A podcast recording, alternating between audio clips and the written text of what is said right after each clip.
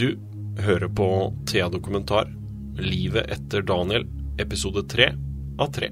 Vi som lager Thea Dokumentar, er Erik Edvardsen. Og Juni Vendelin Fasting.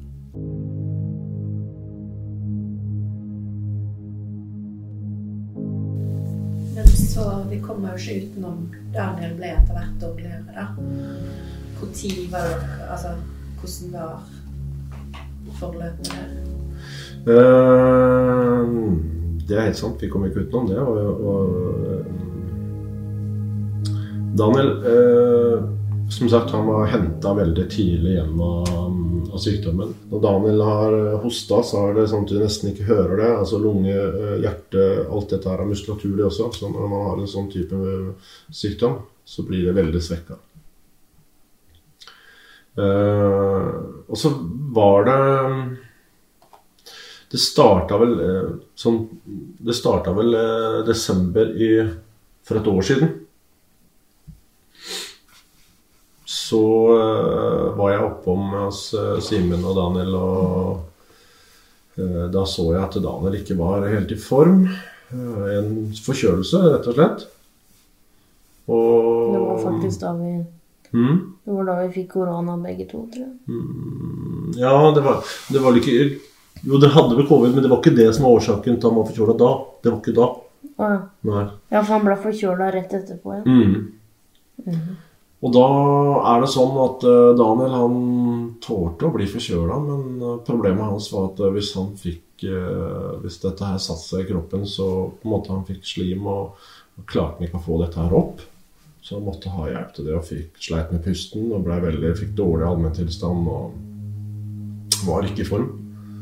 Og så øh, Men så snakka jeg med på fredags ettermiddag. Mm. Og da sa han at han følte seg bedre. Tenkte jeg at nå river jeg av den, og så skulle det liksom gå litt sånn øh, bedre, det da. Og så reiste jeg egentlig på et besøk til noen oppe i Hamar. Mm. Så ringte jeg på lørdags morgen med Simen for å høre åssen det var med Daniel. Og da begynte Simen å gråte og sa at Daniel ikke var i form. Så da var det å sette seg i bilen og kjøre kjapt hjem. Og da møtte jeg Daniel på sykehuset. Han reiste til legevakt med var han reist mm. når du snakket med ham? Ja. Mm. Han reiste på legevakt med assistenten sin. Mm. Så jeg liksom tok alt ved telefon og fikk de til å reise på legevakt. Og så han kom på legevakt og fikk beskjed om at han måtte opp på sykehuset. Han sleit med pusten.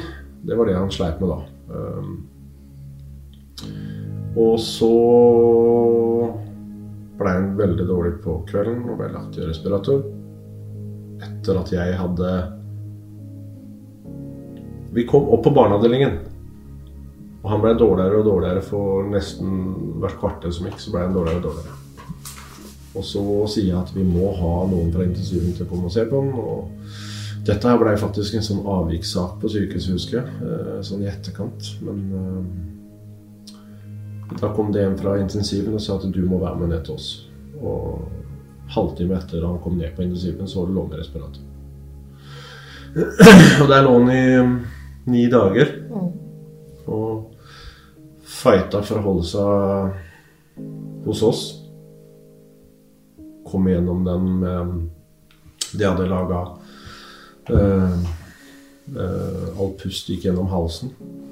Uh, og det vil si at han mister språk. Uh, så det er veldig sånn uh, traumatisk, alt dette rundt en sånn situasjon. Som man på en måte Men du var litt mer forberedt på det andre gangen. Ja. Jeg tror, som Simen sier nå, jeg tror ikke noen av oss var helt sånn forberedt på at vi, vi var helt der. Altså. Like før Daniel ble syk, var Helene selv innlagt på sykehus. Legene hadde oppdaget en svulst i hjernen. Godartet, heldigvis. Men den måtte like fullt opereres ut. Bare fire uker seinere, mens Helene fortsatt var sliten og preget etter operasjonen, hastet hun til sykehuset for å være der for yngste sønn. Det var ikke bra i hodet, og så ligger han der, og så jeg var kjempesliten, men det eneste som betydde noe, var å være på sykehuset. Jeg satt der mye. Mm. Og mange timer som gikk med å holde han i hånda. Men da våknet han jo igjen. Da våkna han og var jo, ble jo veldig frisk veldig fort.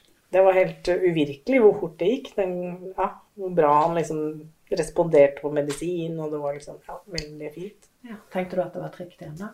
Åssen var følelsene rundt det da? Ja, de var vel litt sånn Ikke helt, men når vi så hvor frisk han var, og det siste dagen han var på sykehuset, så ringte han meg og lurte på om jeg kunne kjøre på Mækkern og kjøpe nuggets. men da var han liksom så frisk og bare spiste og kosa seg og liksom Ja. Selv om familien alltid har visst at guttene er syke, og at de ikke kommer til å bli gamle, er det umulig å være forberedt på å faktisk stå i situasjonen der lillebror er så nære enden. Men denne gangen slipper han unna. Daniel får komme hjem igjen. Han eh, kom hjem på nyttårsaften. Jul var da lå han i respirator og våkna dagen På nei, julaften. Han våkna på julaften. Mm. Men eh, da fikk vi ham ut av respirator. Og da var det sånn for å prøve å se om han klarte alt å puste dette, ta dette trykket sjøl. Og det klarte han. Så, men han skulle hjem, for Simen og Daniel skulle egentlig ha besøk på nyttårsaften, så da skulle han hjem. Og det fikk han lov til. Så han hadde en svær sånn plasterlapp i halsen, og vi hadde sånn sårsykepleier som kom til oss to ganger om dagen og fikk på seg at ikke det ble noe tøys og tull med det. Og så var egentlig dette her eh, Skal jeg si så, så gikk det egentlig bare den ene veien, og det var framover med dette her. Det var egentlig seks måneder med bare gøy og moro.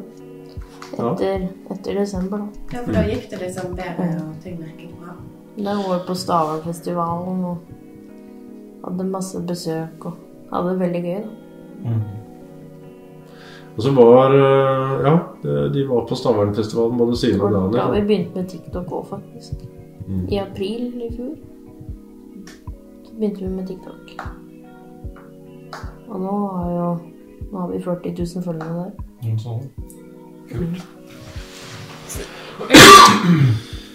Så da tenkte dere at liksom, det var en engangsepisode? Er det fint? Vi liksom? visste at det kom til å skje en, en eller annen gang. jeg, jeg, jeg visste at det, men ikke, ikke så tett. Jeg visste at det, det um, Vi kommer til å få trøbbel når han blir sjuk igjen. Men um, Så var de på Stavernfestivalen. Begge to kom hjem fra Stavernfestivalen litt småforkjøla. Mm. Begynte liksom dagen etterpå, Mm. egentlig. At to gutter kommer hjem forkjølet fra festival, er ikke uvanlig, og noe andre foreldre ikke tenker noe spesielt over. Men når Daniel og Simen kommer hjem med forkjølelse, er det annerledes. Da er det skummelt. Det er potensielt livsfarlig. Simen klarte å ri det her av seg, og så så jeg på Daniel. Jeg reiste opp til Daniel, var der klokka halv ni på morgenen. Og jeg sa til han at eh, du må på sykehuset. Men da var jo liksom På den lørdagen så var vi jo ute og kjørte med bilen, og alt så veldig greit ut. Han så veldig bra i form. Men Hva som gjorde at du tenkte at han måtte på sykehuset? Jeg så på allmenntilstanden hans at han uh, ikke var i form i det hele tatt. Jeg skjønte at nå uh, han Det er sånn at uh, når eh, han sliter sånn med metninga si, sånn som han gjorde nå, da, så ser jeg fargen i ansiktet, øynene hans eh, Den er ikke helt eh, til stede. Og han ville jo ikke opp på sykehuset. Etter vi hadde snakka sammen en times tid, meg og han, så uh, ja, han kunne opp på sykehuset, men han var ikke på intensiven. Så jeg tror han, kan, han var ganske smertelig klar over hvor dårlig han var sjøl. Og uh, men det var så veldig Det gikk så fort, egentlig. ja. Og han virka veldig bra i form på lørdag også. På søndagen så skulle han bare opp på sykehuset. Altså. Mm.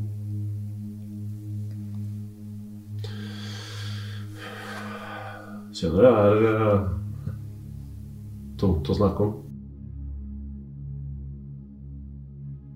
Og så var det da søndagsmorgen, så jeg fikk telefon fra Bjørg Gunnar. Og så sier han at du, altså, vi er på sykehuset. Eh, Daniel har blitt så forkjøla at vi prøver å være litt tidlig ute nå. Eh, så vi reiste jo bare rett opp dit. Jeg sier vi kommer. Og da husker jeg Daniel satt nede på akuttmottaket, han hadde ikke kommet lenger. Og liksom fikk maske med oksygen og liksom Jeg så at han var sliten, men han så liksom Det var greit, på en måte.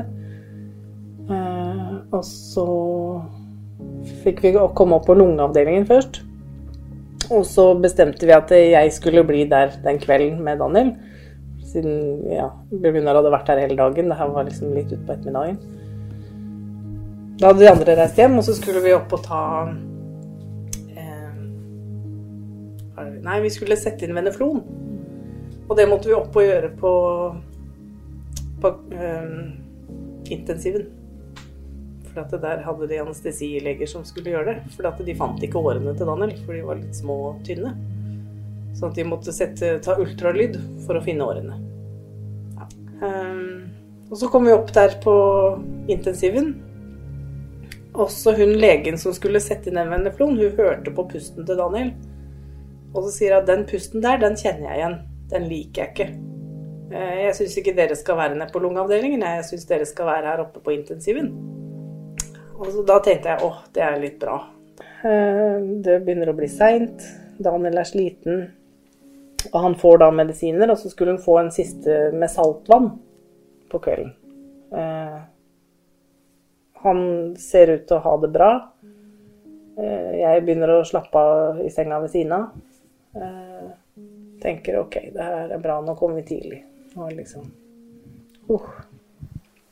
Jeg sitter i senga mi, og så kommer hun sykepleieren inn, og så ser jeg han, han hoster litt. Vi bare Ja, nei, vi tar av den litt, og sånn. Og så begynner han å si Jeg får ikke puste. Og så begynner han liksom å skulle ta opp slim, og så sier han Jeg får ikke puste. Du må slutte. Ta den ut. Eh, og så ser jeg bare han blir mer og mer desperat. Så sier jeg jeg tror du må hente noe hjelp. Så ble han jo blå på leppene, og så bare peker han ned på bokseren, og så ser jeg han tisse på seg, og så bare stopper det alt. Jeg bare fikk jo totalt panikk. Han puster ikke, han puster ikke. Har du ringt på noen? Plutselig så står det vel 20 mennesker innpå der. Av leger og sykepleiere og alt liksom sånn. Da kommer jo det stansteamet. Jeg tror det er 15. Ja, det går helt i svart for meg. Og jeg hyperventilerer og bare Faen, jeg må jo ringe pappaen. Jeg må jo ringe Bjørn Gunnar, jeg må ringe mannen min. Jeg må liksom Jeg må jo få de opp her. Eh, så ringer jeg Bjørn Gunnar, og jeg tror ikke han skjønner noen ting av hva jeg sier. Og jeg fikk vel ikke fram så mye. Jeg bare 'Jeg kommer', sier han bare. Ja, greit, ha det, legger på, ringer neste og bare babler i vei, og han bare 'Jeg kommer'. Og så kommer det en sykepleier, jeg bare hører sånn stemme 'Jeg tar meg av mor', jeg. Og så kommer jeg og så legger armen rundt meg, og så sier han 'De får kontroll nå'. De får den tilbake igjen'. Jeg bare 'Jeg tror ikke noe på det'. Og så sier han 'Vi går og tar et glass vann, vi'. Så er det sånn automat litt lenger borti gangen. Vi står der. Så kommer det en sykepleier løpende og bare 'Daniel spør etter mamma'. Og jeg bare 'Hæ?' Ja. Og løper selvfølgelig tilbake inn på rommet og bare 'Hei, Daniel. Der er du jo. Nå har du jo fått deg tilbake igjen. Gud, ja, så bra, ikke sant. Og var liksom prata med henne, og 'Det her går bra, Daniel'. Og jeg liksom tok på den derre rolig maska og bare Du klarte å switche tilbake. Jeg klarte det. Mm. Jeg tror det er liksom takket være jobben jeg har hatt, at jeg klarer liksom den derre Selv om det var Daniel, så akkurat der og da så kjente jeg at nå må jeg være rolig, for hvis ikke så blir han redd. Og det kan vi jo ikke ha noe av. Og så står jeg der, holder han i hånda og prater med han, og så er jo masse leger rundt, og han bare 'Vi må intubere'. Og da ble jeg liksom sendt ut, og da kommer Gunnar og min mann, og så prater vi sammen, og så blir vi stående på gangen, for vi får ikke lov til å gå inn. Helt til liksom de sier at nå må dere nesten gå inn, for nå tror vi at vi mister den. Eh, hvor han da Han holdt på å få sepsis, altså blodforgiftning. Og at uh, forskjellige organene begynte å liksom klappe sammen. Uh, så var det liksom sånn vi ble tatt inn for å se hvis de skulle miste den, at vi var der. Men så klarer jo han legen å liksom få stabilisert det her, da. Og så ble vi sendt ut igjen. Og så fikk vi et sånt pårørenderom vi satt på. Og vi fikk beskjed om at dere må bare liksom Her må dere være til vi henter dere. For det er ikke stabilt. Det er kjempe Vi vet ikke helt om vi får det her til. Bare sånn at vi var klar over at det her kunne gå kjempedårlig. Eh, så satt vi der inne og prata sammen og liksom prøvde å holde motet oppe. Mens vi fikk liksom innimellom, så kom det inn sykepleiere og bare 'Nå er det sånn, nå er det sånn'. Eh, så husker jeg han legen. Eh, han kom inn på et tidspunkt gjennomvota svette. Eh, og bare tror vi har, klarer å Det ser greit ut nå, liksom.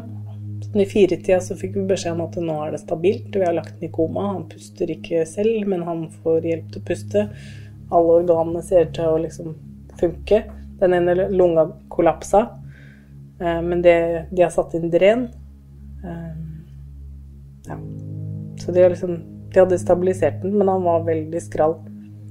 Men vi fikk beskjed om at nå burde dere reise hjem og sove litt.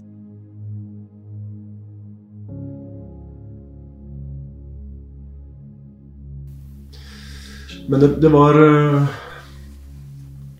Det var eh, fryktelig vanskelig å være ved siden av i den siste epoken der oppe.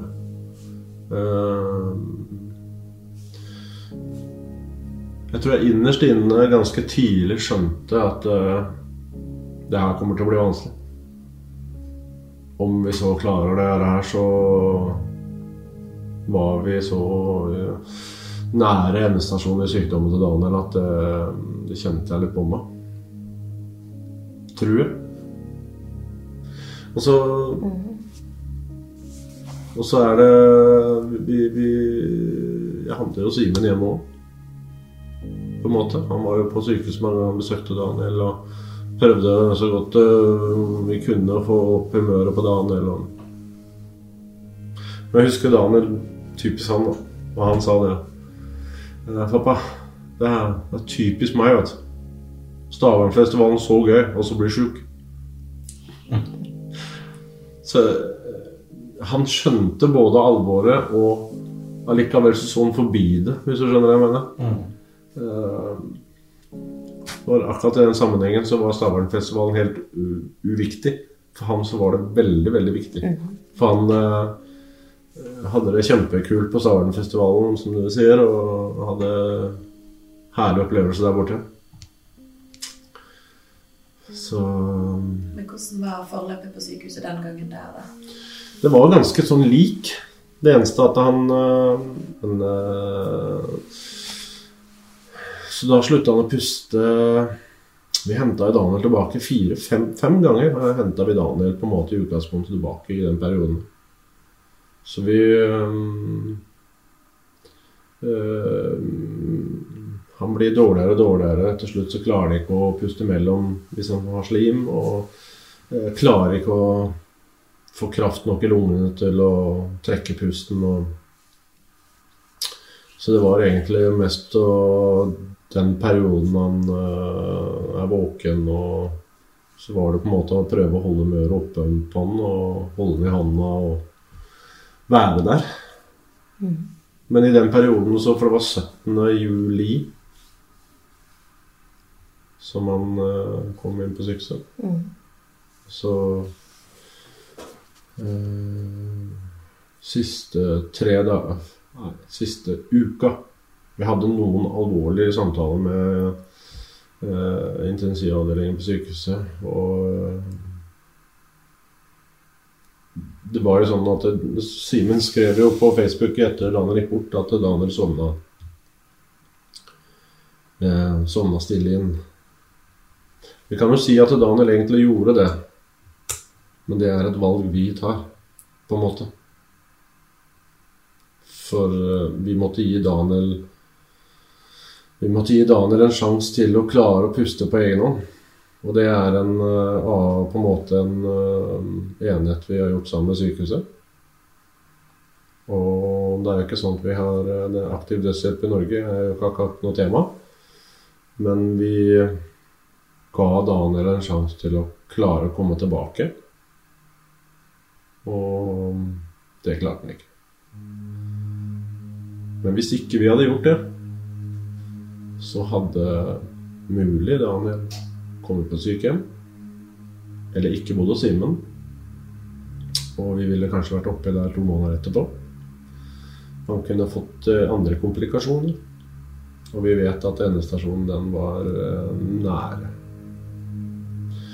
Så det handla vel egentlig om eh, hva vi kunne gjøre for Daniel, og ikke være egoist og tenke hva som er best for oss.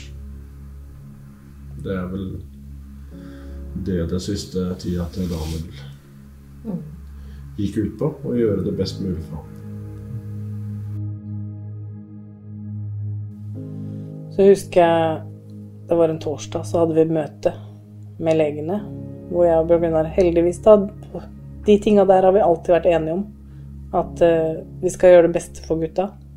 De skal ikke lide. De skal ikke ha det vondt. Vi skal tenke det beste for de. Så vi var veldig enige om at eh, de skulle ikke redde Daniel til enhver pris, på en måte.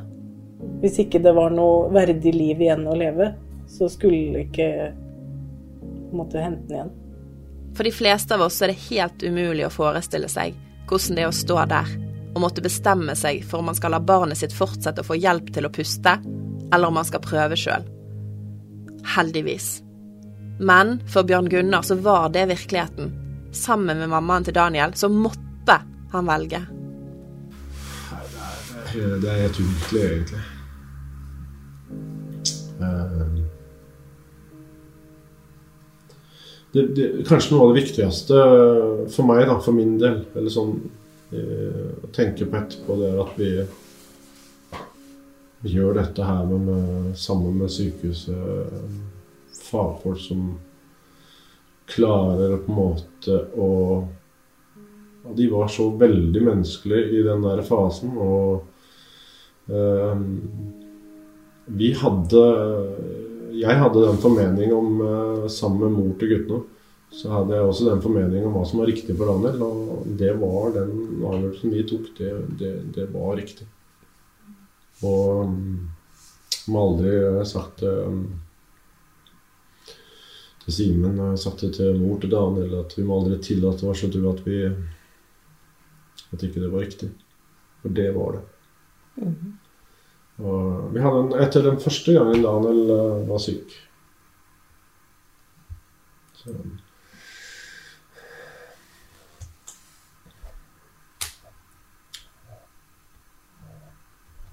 så var det sånn at vi hadde en samtale når vi kom hjem fra sykehuset.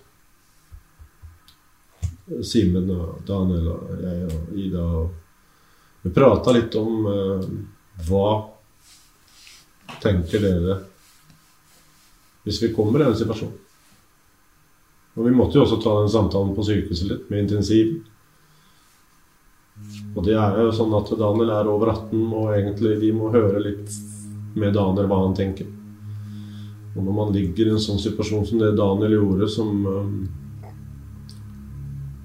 Så vil man sannsynligvis få et svar om at han ønsker å klamre seg litt til livet. Han sa jo noe annet til Vorsen og vi satt og prata hjemme. Da ville de Simen også var jo på en måte Hvis det var så komplisert at ikke de kunne puste på egen hånd eller holdes i live med maskiner, eller at det ville bli sånn, så ville de helt slippe. Så tenker du det, du da? Mm. Det er ikke noe liv å bli holdt i live av en maskin, på en måte. Ikke kunne snakke, det er ikke noe Det hadde ikke jeg likt, i hvert fall. Ikke kunne uttrykke meg, liksom. Hvordan var det for deg de siste gangene du traff Daniel? Mm. Det var helt jævlig, for å si det sånn. Det var ikke noe gøy. jeg beundrer, eh, jeg beundrer Simen veldig i forhold til hvordan han har håndtert den situasjonen. Han har vært uh, utrolig sterk og har klart å se ting sånn som jeg på en måte håpa, da. Med Daniels beste. Det, det, det, har vært, eh, det har vært godt å se det på den måten. Valget ble tatt. Daniel ble kobla fra maskinene. men han klarte ikke å puste selv. Bjørn Gunnar mister sønnen sin, og Simen har ikke lenger lillebroren og bestevennen, ham han gjorde alt sammen med. Daniel og Simen er liksom noe man sier i samme setning, som om det henger sammen. Nå er det bare Simen igjen. Kunne kanskje fått litt mer kaffe. Ja, det var bra break. Nei, det, altså, når situasjonen blir som det blir, så blir det et perspektiv på det. ting som man må nesten tre litt ut av rollen og så se det fra Hvis det går an å si det sånn, altså, se det fra litt sånn annen vinkel for å nesten ta litt rette avgjørelser. Og jeg husker jeg bare sa til meg sjøl at nå må jeg ikke være egoist, nå må du ikke tenke på deg sjøl, nå må vi tenke på det annet. Men det er likevel det er jo sønnen din som ligger der, og det er jo en litt sånn ubeskrivelig situasjon og avgjørelse man må ta. Vi begynner å grine når du griner. Har dere kontakt med han altså Var det noen dager på slutten der dere ikke hadde kontakt lenger? Hvordan var på en måte Fikk dere snakket med Ja. på slutten? Han er jo eh, Jeg har jo klaga på Daniel i alle år. Den hersens telefonen hans. Den er i handa på han hele tida. Og jeg husker vi Dagen før Nei. To dager før han gikk bort, så var han våken en times tid eller halvannen time. En liten periode. Det var jo rett på telefon, det. Og så klarer han å være inne på en eller annen en Facebook eller Insta eller et eller annet sånt. Noe, sånn, han er inne og kommenterer noe. Og to dager etterpå så er han borte. Liksom, det øyeblikket skal han bruke det her. Og det er mange som reagerer på det. Når, liksom, ja, men faen, han, var, han var jo aktiv på Facebook. Og liksom, eh, så, ja, for meg så er det litt sånn surrealistisk å tenke på. Men for all del eh, Jeg har jo funnet ut det med telefonen, Det har jeg jo funnet ut sånn i ettertid. og jeg har tatt det opp flere ganger. Også planen har jo vært ekstremt flink til å hjelpe mange, som Simen sa i stad. Han har snakka med veldig mange på telefon som ikke har hatt det så greit.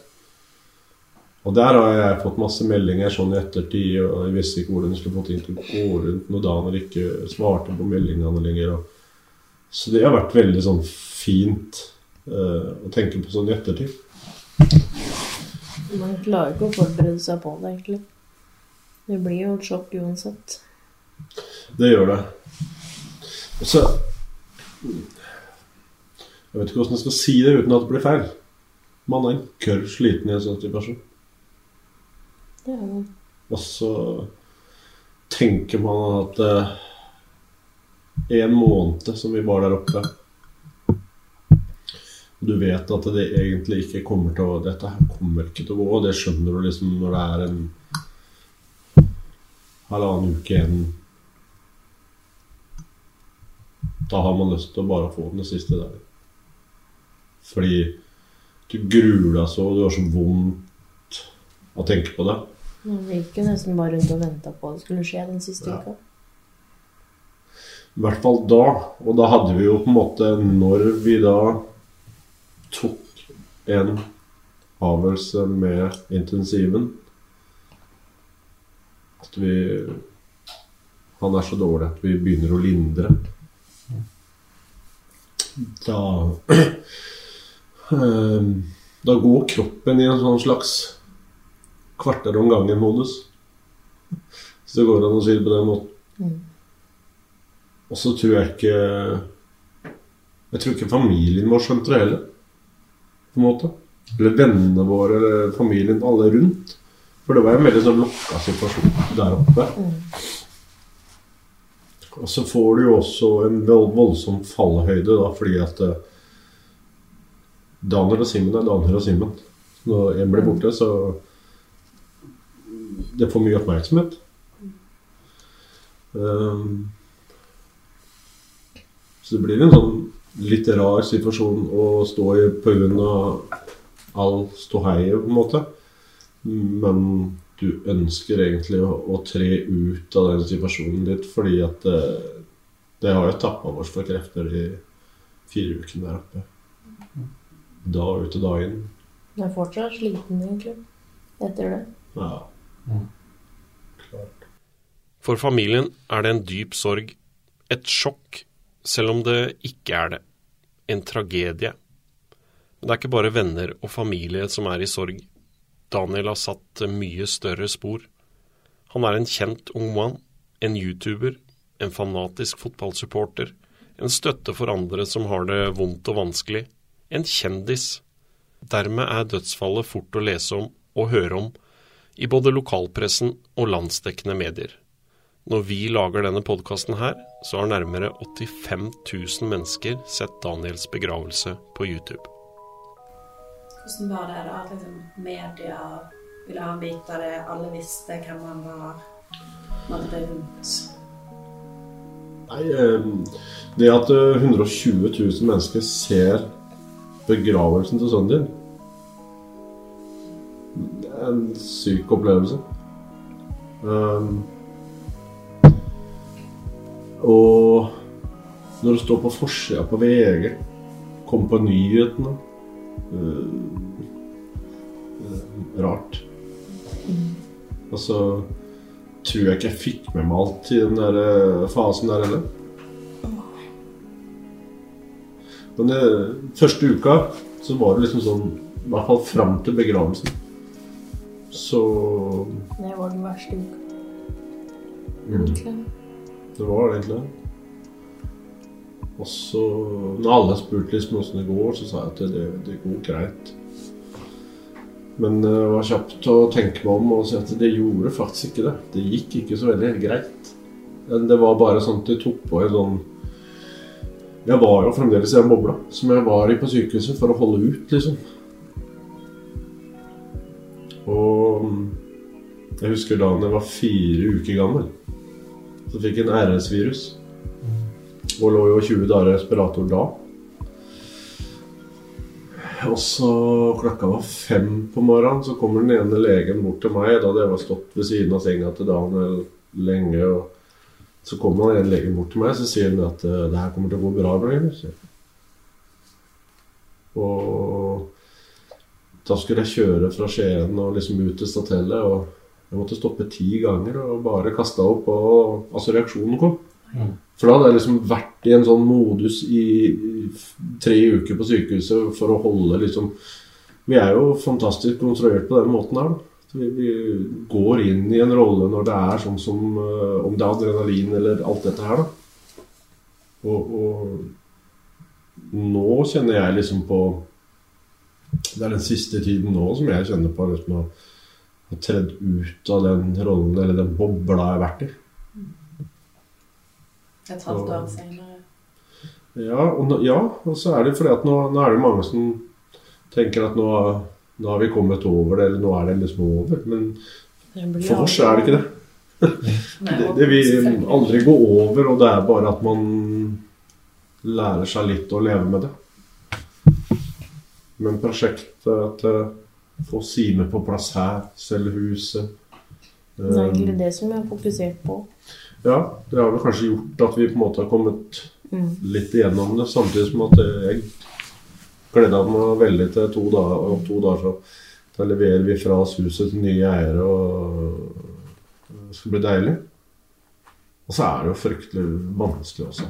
For da jeg lurer jeg på hvordan det blir når vi skal på en måte ut i ny epoke. Men nå skal jeg være litt mer pappa for Simen. Mm.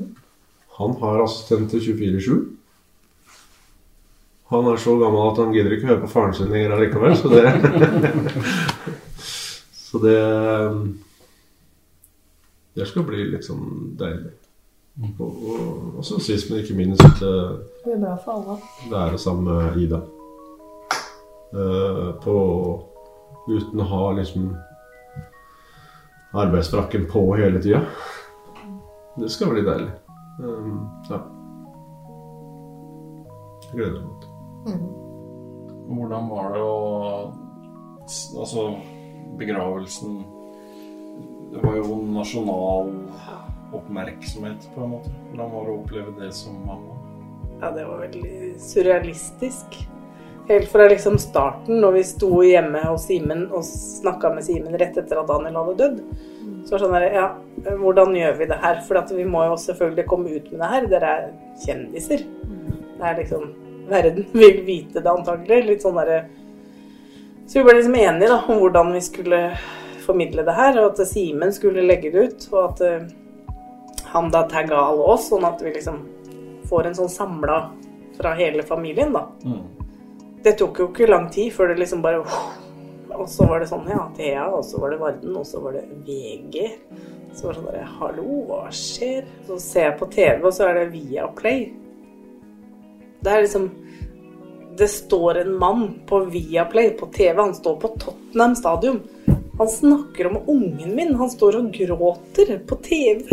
Det var sånn derre Herregud, hva er det som skjer? Hva, hva er det jeg er med på nå, liksom? Det er sånn derre Hallo, det, det er min unge. Og så er det ikke bare min, for han er jo hele Norge sin. Var sånn der, Herregud, det bare strømma inn blomster her, og det var Nei, det var veldig surrealistisk å skulle liksom dele det med så mange. Men allikevel så er det jo veldig fint. Sånn, Herregud, tenk på det fotavtrykket han har satt. Gjennom hele livet har Simen tatt nye utfordringer sammen med Daniel. Nå må han ta de alene, og det gjør han. Hvordan syns du det nye livet her i leiligheten av Simen? Mm, Veldig fint. Trives veldig godt. Har det veldig bra.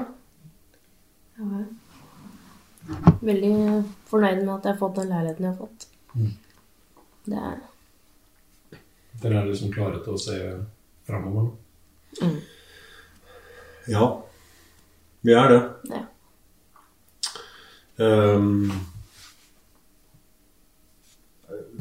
Fem-seks år siden så fikk jeg masse forespørsler om ikke jeg ville bli med i politikken. Og nå har jeg rota meg inn der. Så Nei, altså det, det er For det første så har jeg Jeg har engasjement. Det er ikke noe Det, det klarer jeg ikke å legge skjul på. De 20 åra som har vært nå, der har jeg blitt på en måte påtvinga litt spisskompetanse innenfor en del områder. Og det syns jeg er litt fint å kunne øh, være med og dele ut til andre som har Ja, det er mange områder som på en måte mange ikke vet så veldig mye om, og som kanskje er godt å få belyst. Og øh, engasjement og Ja, den tida Altså, jeg har lyst til å pusle med noe. Det har jeg. Mm. Um, så prøve det. Mm. Hva liste vil vi se deg på? Mm? Hva liste ser vi deg på? Det er Arbeiderpartiet, så vi har mye å forsvare om dagen. Simen legger ikke SoMe-karrieren på hylla, selv om halve duoen ikke kan være med lenger. Han fortsetter med både YouTube og TikTok. Men hvordan har det vært å fortsette med det da, etter at du plutselig er én? Mm, Det har egentlig vært veldig fint å kunne drive med det. Ja. Det har kanskje gjort ting litt lettere å komme gjennom, da. Mm. Det er liksom gjøre noe jeg kjenner til fra før, på en måte. Det gir litt ro i sjela. Så du tenkte hele tiden at du skulle fortsette? Det var ikke et alternativ å slutte? Nei, nei, nei. nei. Det var det ikke. Men så um... Jeg følte liksom jeg måtte fortsette. Ja. Og det er jo ting jeg elsker å drive med, så da vil jeg ikke slutte med det. Det er skummelt og ubehagelig å spørre om, men vi kommer ikke utenom. Simen har samme sykdom som Daniel hadde. De har alltid visst at de ikke blir gamle og rynkete. Hvordan er det å sitte igjen når diagnosen har tatt livet av broren din? Nå var jo Daniel i en litt annen situasjon, men eh, tenker ikke så mye på det. Det var ikke sånn at du ble redd av at han liksom Nei. Nei, egentlig ikke. Det er jo I en sånn situasjon så er det mange som har sagt det liksom opp igjennom at det er veldig fint at de har hverandre. Det er det. Eh, Som Simen sa i stad, så de forsto hverandre. De eh, trengte egentlig ikke å- nesten å snakke om de tinga, for de visste litt hva den andre følte. Men når det er eh, den epoken vi har vært gjennom nå, så har det vært beintøft. Og for både Simen å se broren og bestevennen og eh, kollega, eller hva, alle de rollene Daniel har hatt for deg. da. Og Samme er det for meg òg. Ja, han var jo på en måte en del av meg. Ja. Og jeg var en del av han, på en måte. Absolutt. Så det, det er, da er det ikke bare enkelt å være så knytta som det man har vært. Eh, Og det er ikke til å legge under en det er legge skjul på det at så lenge man har en sånn situasjon som det vi har hatt, så får man et enormt knytta Hva skal jeg si eh, Bånd i forhold til eh, mange andre barn og ungdom er jo selvstendige ganske tidlig. Og på en måte Jeg har på en måte hatt pleiebarn i 20 år, hvis du skjønner hva jeg mener. Det har vært en del av uh, greia, og da, det blir veldig sånn knytta tett på. Men uh, det er selvfølgelig veldig fint uh, å ha noen å dele både ting som er vondt og godt og Hva tror dere, eller hva tenker dere på en måte at folk sitter igjen med etter Daniel? Gode minner og i forskjellig.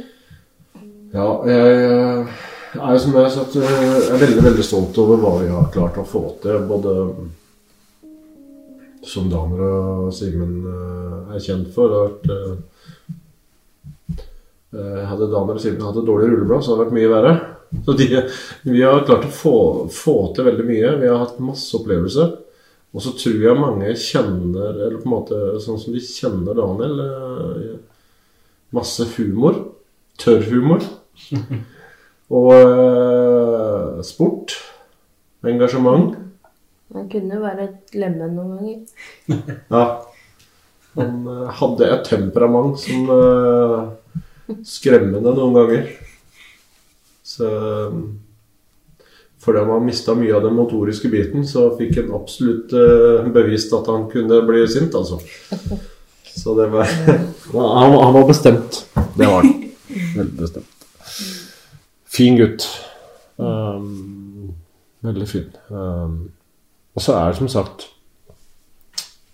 Det å ta seg tid til å snakke med andre som ikke har det så greit, når man egentlig har nok med sin egen situasjon. og eh, Det også er liksom varmt og fint å tenke på. At han har vært så raus som det han har vært. Så, um, men han elska jo den YouTube-biten, han også. Å være litt kjendis og alt det, men noen ganger så ble det litt mye. Og um, det var ikke bestandig um, ja, Hvis det var Tottenham på TV, eller det var sykling på TV, eller et eller annet, så åpna ikke han døra hvis du ringte på. Så det. Han var veldig Han var flink til å engasjere seg der han trengte å engasjere seg. Det var, det var han flink til.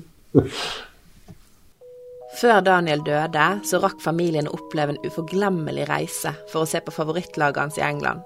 Pappa Bjørn Gunnar har også alltid holdt med London-laget Tottenham. Det ble en fryktelig dyr tur, men det var verdt det. Ingen tvil.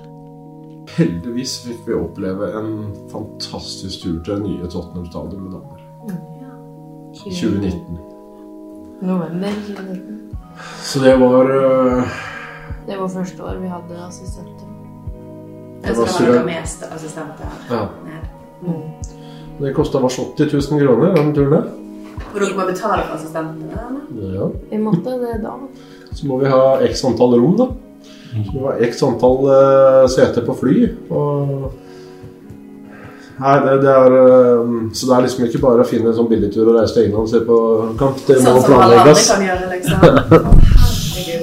Men jeg er veldig veldig glad for at vi klarte å få til det med Daniel, for det var hans store drøm. Og det var liksom ikke hvilken som helst opplevelse heller. Og det var en journalist i vi vant 5-1 eller noe. Det var en journalist i KK eh, eh, som eh, jeg kjenner. Eh, hun hadde en bekjent som hadde bodd i Nord-London siden 1972. Og det var jo ingen andre enn Ugland. Ah, Skipsredet Ugland.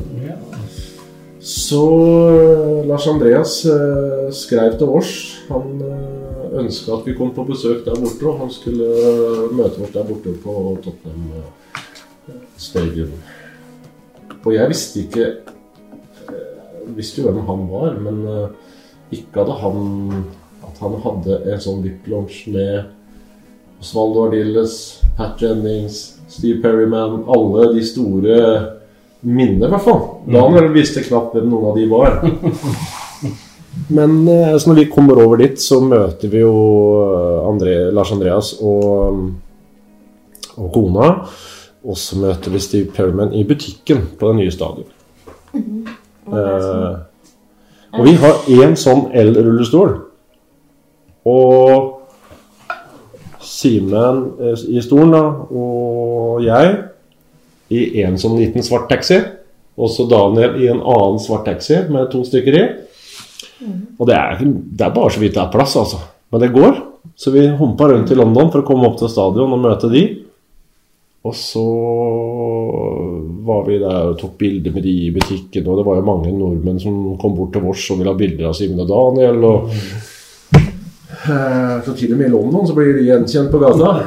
Um, Men det som er sjukt med han Osvaldo Ardiles, han spilte jo med Maradona. han spilte med Maradona. Og Daniel fikk den pinnen av han. Den har du her. Nei, Nei, jeg har den. den. Stemmer. Du gjør det. Og da var det sånn at etter kamp, da, så ringer Lars Andreas meg og spør om vi har lyst til å komme opp på, VIP-lunsjen til de. Da kommer Osvaldo Arilles eh, og Lars Andreas ned og henter eh, oss nede. Blir med opp. Og det var fri bar for far, og guttene måtte, vi måtte holde foredrag for alle de som var i VIP-lunsjen der. Det er en sånn privat Eh, Det er som et hotellrom. Det er Nøkkelkort hvor du går inn, og så er det bar, og så er det stue. Og, og da husker jeg det at når jeg så Simen og Daniel liksom satt der borte og prata engelsk med, med disse for meg store idolene, så rant tårene. Jeg klarte nesten ikke stå på beina. altså. Da var jeg så rørt. Ja, det var stort. For meg så var det det.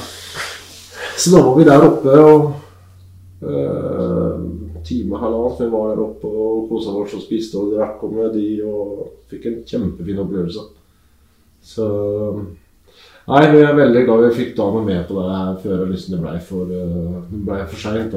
Så det var eh, fantastisk, egentlig. Før Daniel døde, hadde han samlet inn penger slik at også Simen skulle få oppleve favorittlaget sitt i aksjon, nemlig Liverpool. Og i oktober 2022 ble drømmen oppfylt. Men den turen som vi hadde nå i november, det er litt viktig å få fram for eh, oktober. Uh, det var Daniel som samla inn penger til Simen. Satte i gang en spleis for å få Simen over til Liverpool og oppleve det han hadde opplevd. da. Og det drøfte vi inn enormt med penger på et døgn. Vi måtte stenge den, vi, den spleisen. Eh, Det var helt, Ja. Helt vanvittig. Altså, han ville liksom at du skulle få oppleve med ditt lag. Mm. Det er så fint. Så det var uh, fotballtur for uh, alle penga og shopping for alle penga for Simen. Og tidenes opplevelse, tror jeg. ja. Så det er takket være Daniel at han uh, fikk uh, i hvert fall kom bort dit nå, da. Mm. Det var det. For en fin bror, da. Mm. Ja. Det- Nå har vi sittet lenge og pratet med Simen og Bjørn Gunnar. Hvordan syns de egentlig det er å fortelle historien til Daniel, og samtidig dele sine egne følelser og tanker?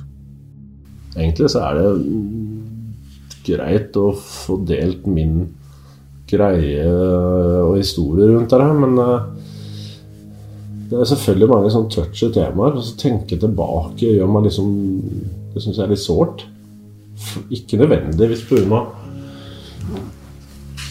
Jeg syns det er vanskeligere å prate om nå enn tidligere. Syns det er vanskeligere nå? Hvorfor er det. Jeg vet ikke. Kanskje fordi jeg har innsett hva som har skjedd. Jeg har ikke skjønt det før nå, egentlig. Det er sikkert derfor. Men det er Det er øhm, Det er jo sånn at vi tar jo inn over oss litt sånn de tingene som vi på en måte er klar for å ta inn over oss. Resten må vi prøve å bare ta litt etter hvert. Og Det tar litt tid å bearbeide alt. Ja. måte. Men jeg syns det er eh, tungt på den måten at jeg tenker gjennom alt vi har stått i. Det syns jeg er tungt. For det begynner liksom å gå opp for meg nå. Eller har- årene, liksom. Hm? Alle årene tilbake eller Ja. alle siste? Halvåret? Nei, jeg, jeg, jeg, det siste året nå, liksom etter Daniel, så jeg begynte liksom å tenke gjennom mye av alvoret, egentlig, ja, men all jobben. Uh, da fikk jeg riktignok et hjerteinfarkt i november i fjor. At ikke det har kommet før, er et under. Hva skjedde da? Det er, nok en, det er nok en konsekvens av de 20 åra, og det er derfor jeg på en måte blir litt sånn Jeg syns det er tungt å snakke om alle de, eh, alt det som på en måte det har krevd. Derfor har kanskje lufta gått litt ut av meg nå. Det er derfor jeg sier at jeg har hatt et sånt skjold foran meg som bare ting har spredt unna. Og så øh, får du egentlig litt sånn klar beskjed om at du er ikke mer enn vanlig mann. Og så våkna jeg på Det her var 5. november. og Våkna på natta med enormt med smerte i brøstet og i ryggen. Så jeg trodde egentlig jeg hadde fått en sånn At det var en muskel som hadde låst seg, eller hoppa en time og halvannen, vel. Og da hadde kona mi sovet så dårlig noen dager, så når første hun sov, så tenkte jeg hun skal ikke vekke, i hvert fall. Så det gjorde jeg ikke. Så jeg satt, jeg lå og neste gang, eller hvis det skjer en gang. Må du si ifra. eh, Du burde vekk Ida, egentlig. Men da var det sånn at jeg, jeg, eh, gikk og la meg, eller jeg lå på sofaen da. Eh, Også på morgenkvisten da, så så jo hun på meg at ikke jeg var i form. og for Du gikk ut og la deg på sofaen? Mm? Du gikk og la deg på sofaen Mm. når du fikk vondt? Liksom. Ja. Mm. Uh, og så var jeg Jeg hadde egentlig ikke gått til legen heller, vet du. For da var jeg egentlig litt bedre form. Så tenkte jeg det, det ordner seg. Det er sånn man ikke må tenke. Og så, så gikk vi til legen, og idet legen kommer til Når jeg vet eh, liksom fått tatt noen tester, så så jeg på ansiktet hennes at eh, det var verken muskulært eller andre ting. Så det, det var et uh, tydelig En hissig lege. Men det, jeg, har, jeg ble litt skremt etterpå. Det var ikke noe hva sa legen da? Nei, da hadde jeg en sånn, på en måte en sånn Jeg har jo hatt eh, hjerteinfarkt på natta, et lite hjerteinfarkt, og så et overbelasta hjerte som på en måte hadde flere frakturer og liksom Det eksakte svaret på hva som forårsaka hjerteinfarktet til Bjørn Gunnar, får vi nok aldri. Men at 20 år som døgnkontinuerlig omsorgsarbeider har slitt på kroppen, det er det ingen tvil om. Så det var egentlig sånn eh, Man skal jo være veldig glad for at man får en sånn vekker av den milde biten, hvis du skjønner. Det skal man være heldig at ikke man får eh, At ikke gardina kommer med en gang. Jeg tror eh, at det skal gå veldig fint, men jeg ble veldig redd etterpå. Det gjør jeg. For det er jo som jeg har sagt Hvis det er et eller annet jeg har trengt å gjøre, så har jeg gjort det. Uten å tenke over eh, de verste ting. Og det har jo gått superbra. Så da blir det sånn at du får en sånn Det blir litt sånn ja, Dårlig på å kjenne på ting, da. Men hvis jeg skal fortelle litt sånn om en eh, dag, da, hvordan dagen kunne være på meg når det um, Ida også hjelpa jo til litt, men hun skulle jo på jobb sjøl. og så var det jo sånn at når vi sto opp om morgenen, så var det jo vekke begge. Den ene måtte jo ligge i senga til jeg kom uh, inn. Jeg måtte jo ta og hjelpe opp av senga og kle på og få de på badet. Og da hadde jeg vært oppe i en time og halvannen og smurt nister og frokost og uh, gjort klart. Og så uh, var det inn og hente den andre. Og for, Daniel trengte jo da selvfølgelig der med, med takheis og av- påkledning, så må jo kle på alt mens han ligger i sengen. Eh, og uh, få i deg frokost, pakke sekker. Var det jo ytterklærne på, og så få de ut i taxi. eller bilen og kjøre de. Eller om de skulle kjøre til skolen i rullestol. Men nå i en voksen alder så har de kjørt uh, Hjalmar, Han gikk på Hjalmar, Daniel, og Simen gikk på Grep. Så hadde de taxi. Og hvis ikke så var det meg som ble med på skolen og fikk eh, hengt fra sekk og jakke og alt det der og venta at eh, lærer kom, da. Og så gikk jeg hjemover. Og så Vi hadde jo assistent på skolen, da. Der hadde jeg assistent. Det hadde vært veldig klønete av pappa til å ha vært der. Ja. Det har blitt litt rart. Og så, er det jo selvfølgelig eh, samme greiene når eh, de kommer hjem, da. Så er det jo av med klær og være litt sånn YouTube-statist og stativ og litt sånn når du innimellom middagslaging. Og så er det jo alt av mat og alt av påkledning, alt av sånne ting. Hvis du skal på Brotøy skal handle, skal de gjøre noe, så er det meg som må, har måttet gjøre det. Men Men altså, så sånn, altså bare sånn personlig hygiene, altså dusjing, toalettbesøk, alt sånn må du også mm. hjelpe til med. Mm. Mm. Det, det er det meg som har gjort det opp igjennom. Så det er um, Ja. Det kommer jo til en viss tid da, over at det, syns, det syns guttene at det ikke er pappas jobb. Men vi hadde jo ikke noe alternativ. Det ble jo min jobb. Og nå var jo det på en måte ikke noe sånn tema for oss, da. Men uh, nå på slutten, da, når jeg har vært sånn ringevikar Når ikke vi har hatt nok folk, og jeg må på jobb, så har vi spart litt sånn dusj og sånne ting til noen andre er på jobb. Det er helt naturlig. Så da blir det liksom en sånn greie som du ja, må bare Det var best. Ja. Men um, Nei, det er en Og så er det jo sånn noen dager, da. Hvis Daniel skulle på, en, på sykehuset, så var det litt kabal å få til å gå opp. Ida var hjemme med Simen da og måtte ta den. Og jeg var med Daniel og overnatta på sykehuset, eller var på kontroll på sykehuset og tilbake på skolen. Og, det er øh, Det var mye logistikk. Det har blitt mange kamper over mange år mot systemet. Kampen for et så godt liv som mulig. Men historien til Simen og Daniel og pappa Bjørn Gunnar er også en historie om glede og samhold. En historie om hva som er mulig når kjærligheten og familiebåndene er sterke. Samtidig som man har en vilje til å kjempe, og til å kjempe litt til når kreftene egentlig er slutt. Sorg og fortvilelse har det også vært nok av.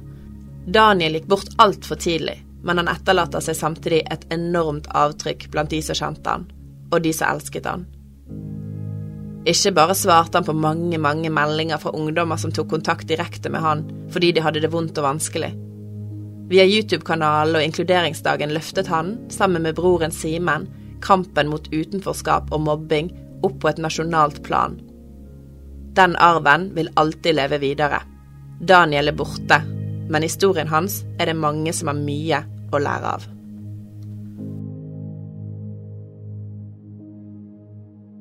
Du har hørt eh, Thea-dokumentar 'Livet etter Daniel', episode tre av tre. Vi som lager Thea-dokumentar, er Erik Edvardsen, Og Juni Vennlin Fasting. Musikken er laget av Simon Tekeste. Ansvarlig redaktør er Ove Meldingen. Har du tilbakemeldinger, eller kanskje en idé om hva den neste podkasten vår burde være? Send e-post til dokumentar.krøllalfa.thea.no.